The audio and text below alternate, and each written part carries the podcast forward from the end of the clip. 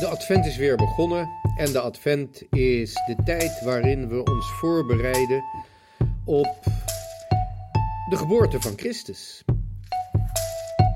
In deze podcast gaat Pater Elias op zoek naar wat echt is.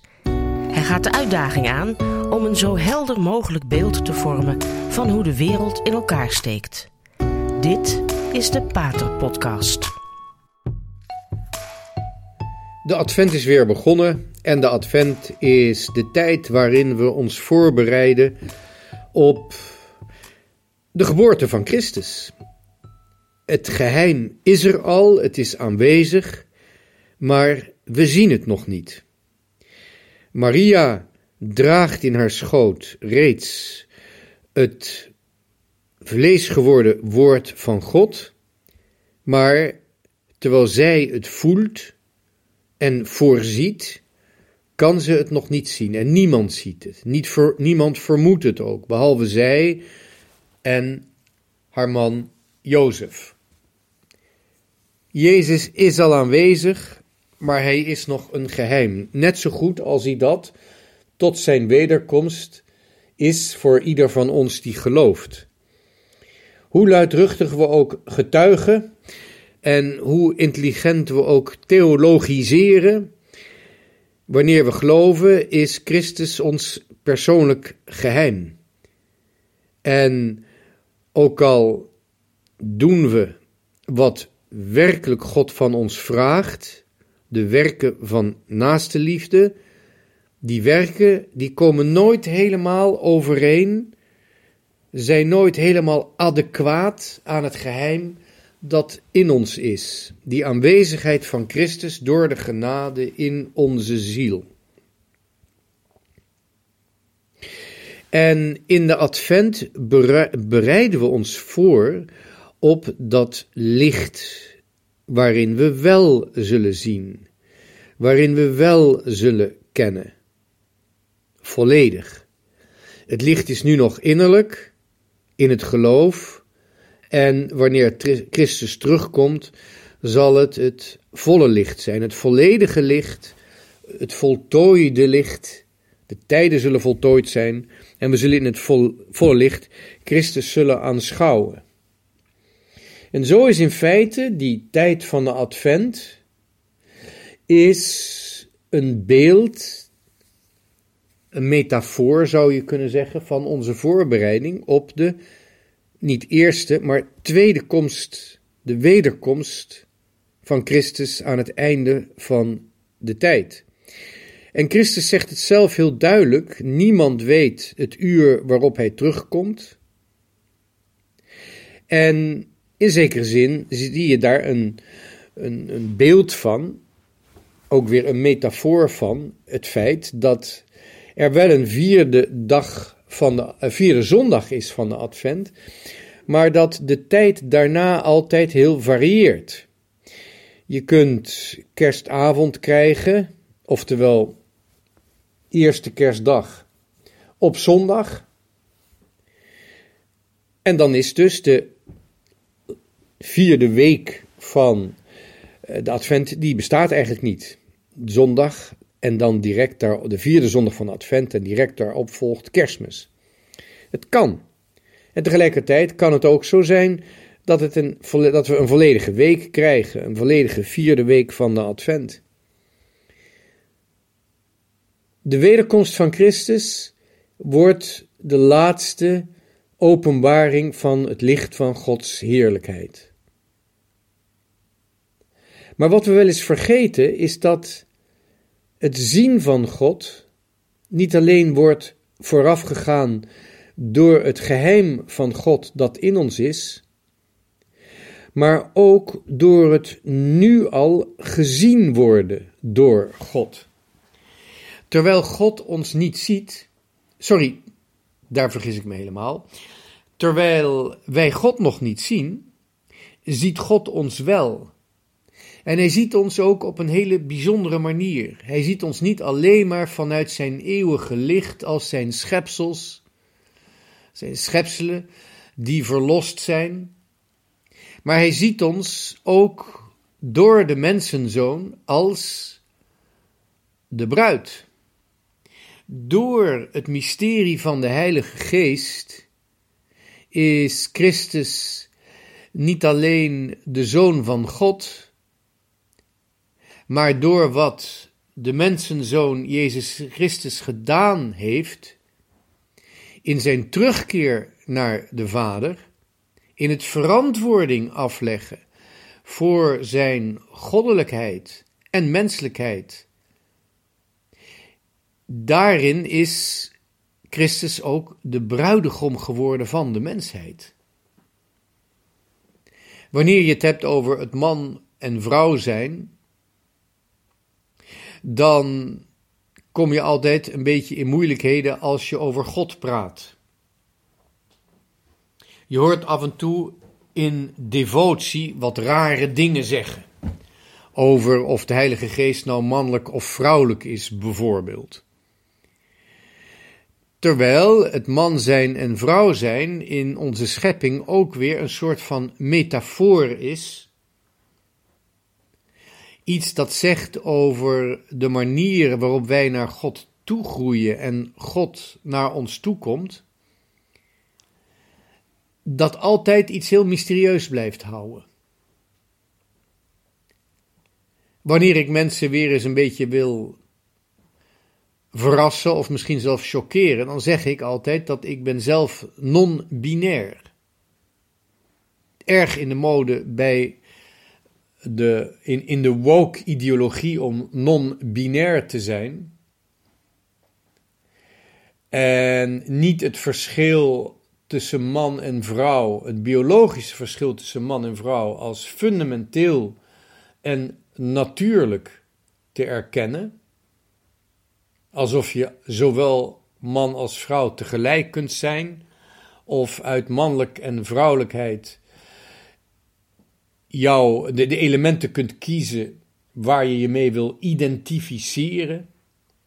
En vervolgens krijg je dan niet alleen non-binair, dus niet alleen niet vrouw, niet man, maar je krijgt een mengsel van allerlei andere termen. Per jaar worden er denk ik stuk of tien nieuwe termen uitgevonden om geslachtelijkheid opnieuw uit te drukken en in feite blijft er dus ook helemaal niks over. Hoe dan ook, in die totale verwarring over de menselijke natuur, die in feite gewoon de totale verwarring is over de menselijke vruchtbaarheid, de grote verwarring over het man en het vrouw zijn, die komt voort uit de seksuele revolutie. Dat wil zeggen, het loskoppelen van seksualiteit en vruchtbaarheid. Daar begint de enorme verwarring die een enorme ellende wordt. Een grote ellende van identiteitsproblemen. Wanneer je seks, seksualiteit loskoppelt van de vruchtbaarheid. Eerst blijft het heel steriel en uiteindelijk brengt het een wangedrocht voor, namelijk onze identiteitsproblemen. En vandaar dat ik het af en toe grappig vind om te provoceren en te zeggen: ik ben ook non-binair. Want wat bedoel ik ermee? Ik ben non-binair omdat ik trinair ben. Om het heel eenvoudig te zeggen in normaal Nederlands, in niet-woke Nederlands. Ik geloof niet dat het verschil tussen man en vrouw alleen maar uit het man en vrouw zijn kan worden begrepen. Zo van de man heeft een vrouw nodig en de vrouw heeft een man nodig. Dat is maar een deel van het verhaal. Man en vrouw zijn heeft te maken met vruchtbaarheid. En dus is het verhaal niet compleet als je niet ook ziet dat een kind een vader nodig heeft en een moeder nodig heeft. Allebei. Om een echt volwassen mens te worden, heb je zowel in je opvoeding een vrouwelijke als een mannelijke aanwezigheid nodig. En als die er niet is, dan wordt die gewoon vervangen door iemand anders. Dat kan, maar het is wel onze menselijke natuur. Zo zit hij in elkaar. Wanneer je in dat perspectief het kind zijn, het man zijn en het vrouw zijn ziet, ja, dan kun je ook beter die metaforen in de menselijke natuur kun je begrijpen en kun je een licht laten werpen op de openbaring van God. Want niet alleen man en vrouw zijn, maar ook kind zijn, bestaan in het eeuwige mysterie van de drie-ene God. Er zijn niet twee, maar er zijn drie personen in God. Waarbij je al gelijk ziet dat de vrouwelijkheid misschien wel een groter mysterie is dan de mannelijkheid, omdat we een vader en een zoon hebben, die zijn allebei mannelijk, en een heilige geest die niet direct met een geslachtelijkheid is verbonden. Dus ook al hebben we het over de drie-eenheid in neutrale of mannelijke termen, er moet ook ergens een vrouwelijkheid in God zijn, want ook de vrouw is een beeld van God. Alles wat we zien in de schepping, dat weerspiegelt iets dat uit God komt, dat van God is. God is als het ware het oervoorbeeld van waaruit God, die ooit de enige was, alles heeft geschapen. En dus ook het aspect van de vrouwelijkheid moet in God terug te vinden zijn. Dus er is wel degelijk vrouwelijkheid in God. Ook al is God zelf niet een vrouw. Hij is een vader, hij is een zoon, maar de vrouwelijkheid blijkbaar weerspiegelt iets anders in God dan die drie personen die van elkaar onderscheiden worden. God in eeuwigheid is allereerst geslachteloos. Hij is eeuwig, stijgt boven alles uit. En in Jezus Christus ontdekken we dat er in God een mannelijkheid is die we onderscheiden in het man zijn, in het, in het zoon zijn en het vader zijn. En je zou kunnen zeggen dat in de Heilige Geest toch weer de, ik zeg niet neutraliteit, maar toch de eenheid van God weer op zo'n manier wordt benadrukt dat er geen mannelijkheid voor nodig is om die uit te drukken. Het is de eenheid en ook de gezamenlijke vruchtbaarheid in zekere zin, die geen vruchtbaarheid is, of de vruchtbaarheid zelf, het voortbrengen uit, is toch alleen meer, is meer dan alleen een vruchtbaarheid, want vader en zoon zijn de bron van de Heilige Geest. Het is meer een gezamenlijke verantwoordelijkheid dan een gezamenlijke vruchtbaarheid. Je kunt er heel lang over doorpijnzen, mijmeren, mediteren, zoals ik nu doe. Maar die eenheid van vader en zoon, die zien we als het ware een beeld daarvan, een, een gelijkenis daarvan, zien we meer in gezamenlijke verantwoordelijkheid in ons leven dan in een vruchtbaarheid in ons leven. Want wij zien in ons leven dat man en vrouw, niet vader en zoon, maar man en vrouw zijn vruchtbaar. En de vader is vruchtbaar doordat hij in eeuwigheid de zoon voortbrengt. In een eeuwige, onbevlekte ontvangenis. Een eeuwige, eenvoudige, eenduidige vruchtbaarheid brengt de Vader in eeuwigheid de Zoon voort. En daarom is ook, en dat is nou juist waar je een beetje verrast kunt door worden, zoals de Vader zonder vrouw de Zoon voorbrengt in eeuwigheid, het blijft een groot mysterie, op dezelfde manier brengt Maria zonder tussenkomst van een biologische man, brengt zij de zoon van God voort. Dus je ziet dat de vrouw, Maria, iets, iets openbaart door Christus van God te ontvangen, wat niet door de mens, zelfs niet in een theologie van de drie-eenheid, zomaar even makkelijk kan worden afgeleid. Er is als het ware in Maria is iets dat uitstijgt boven de theologie, boven alles wat wij kunnen ontvangen in geloof. In Maria wordt iets geopenbaard dat in God is. Niet alleen de vrouwelijkheid die in God is, maar ook de moederlijkheid die in God is. Die als het ware het mysterie van God voltooit. Het is niet alleen het geloof van onze lieve vrouw, maar het is ook haar werk, als je dat zo mag noemen, haar zwangerschap. In haar vlees ontvangt zij het woord van God, niet alleen in het geloof. Dus Maria is niet zozeer met theologie te begrijpen, maar met de voltooiing van de theologie. Je zou zelfs kunnen zeggen, Maria is zelf de voltooiing van de theologie. Daarom is zij de wijsheid. Er is een eeuwig woord van God in God, namelijk de Zoon. Maar er is een geschapen persoon die in persoon als het ware de vernieuwde wijsheid is die God in de wereld wil brengen om zijn schepping te voltooien. De schepping keert als het ware terug naar God in het hele leven, in de hele heiligheid van Maria. Vandaar ook dat zij de moeder is van de kerk. We bereiden ons voor in de advent op die voltooiing van Gods wijsheid bij de terugkeer van Christus op het moment dat als antwoord op de gave van het woord. En dat antwoord is voor het eerst in Maria, moeder van de kerk, volledig en volledig vrij en volledig zuiver.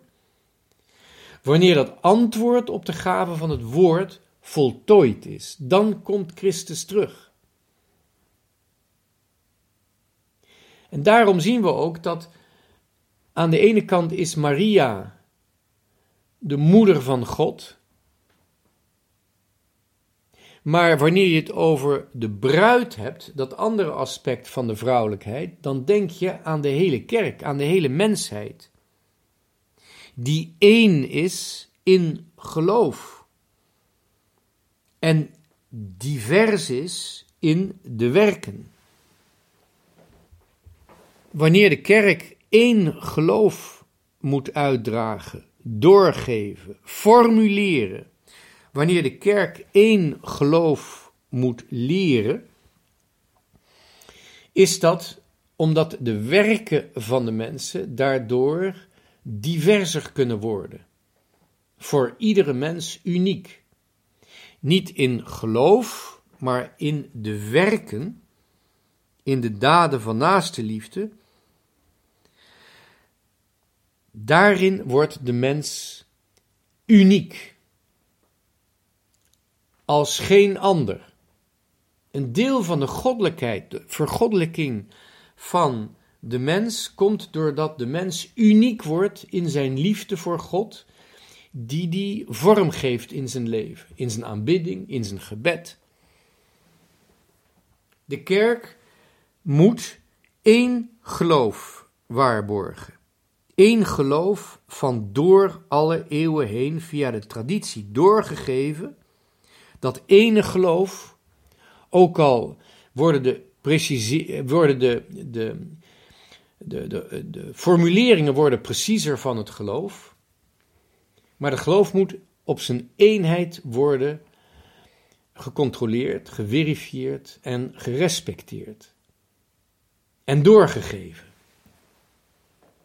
En als gevolg daarvan worden de werken van de gelovigen uniek voor iedere gelovige. En juist door die enorme veelheid en veelkleurigheid en diversiteit van de werken die gelovigen verrichten, juist daardoor is de bruid van Christus één. En terwijl wij ons voorbereiden op het zien, ziet Christus al zijn bruid die zich aan het voorbereiden is. Het geloof is natuurlijk gedeeltelijk zien. Gezien met een genadevol innerlijk oog. Maar het blijft een onvolledig zien. Dat kan wat frustrerend zijn. Voor mij is het dat in ieder geval.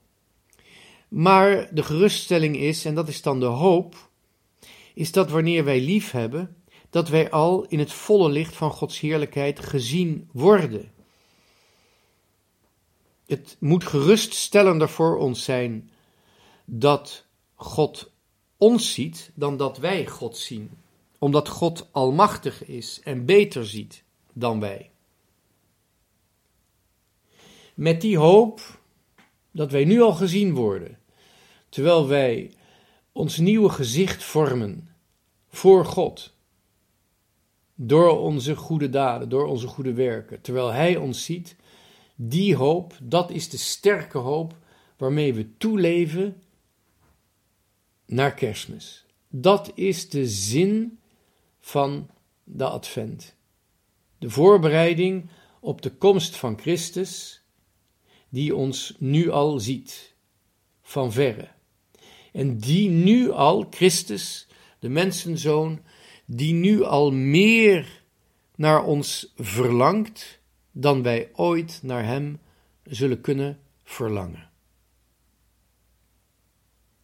Besteden we speciale aandacht aan die mysterieuze vrouwelijkheid in God, die Hij niet zelf persoonlijk heeft willen openbaren, maar die Hij in één persoon heeft willen openbaren in Maria, de moeder van God, en die in onze persoon vruchtbaar is, wanneer wij als mensen die aan God zijn toegewijd, een nieuw gezicht, een nieuwe persoonlijkheid krijgen in onze werken, in onze werken van naaste liefde, van de aanbidding via het gebed naar de goede werken in de praktijk.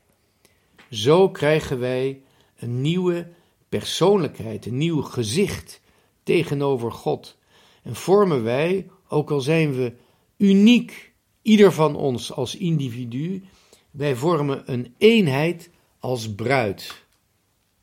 Die verlangt naar Christus, maar nog veel meer waar Christus naar verlangt. Ik wens u een gezegende Advent toe.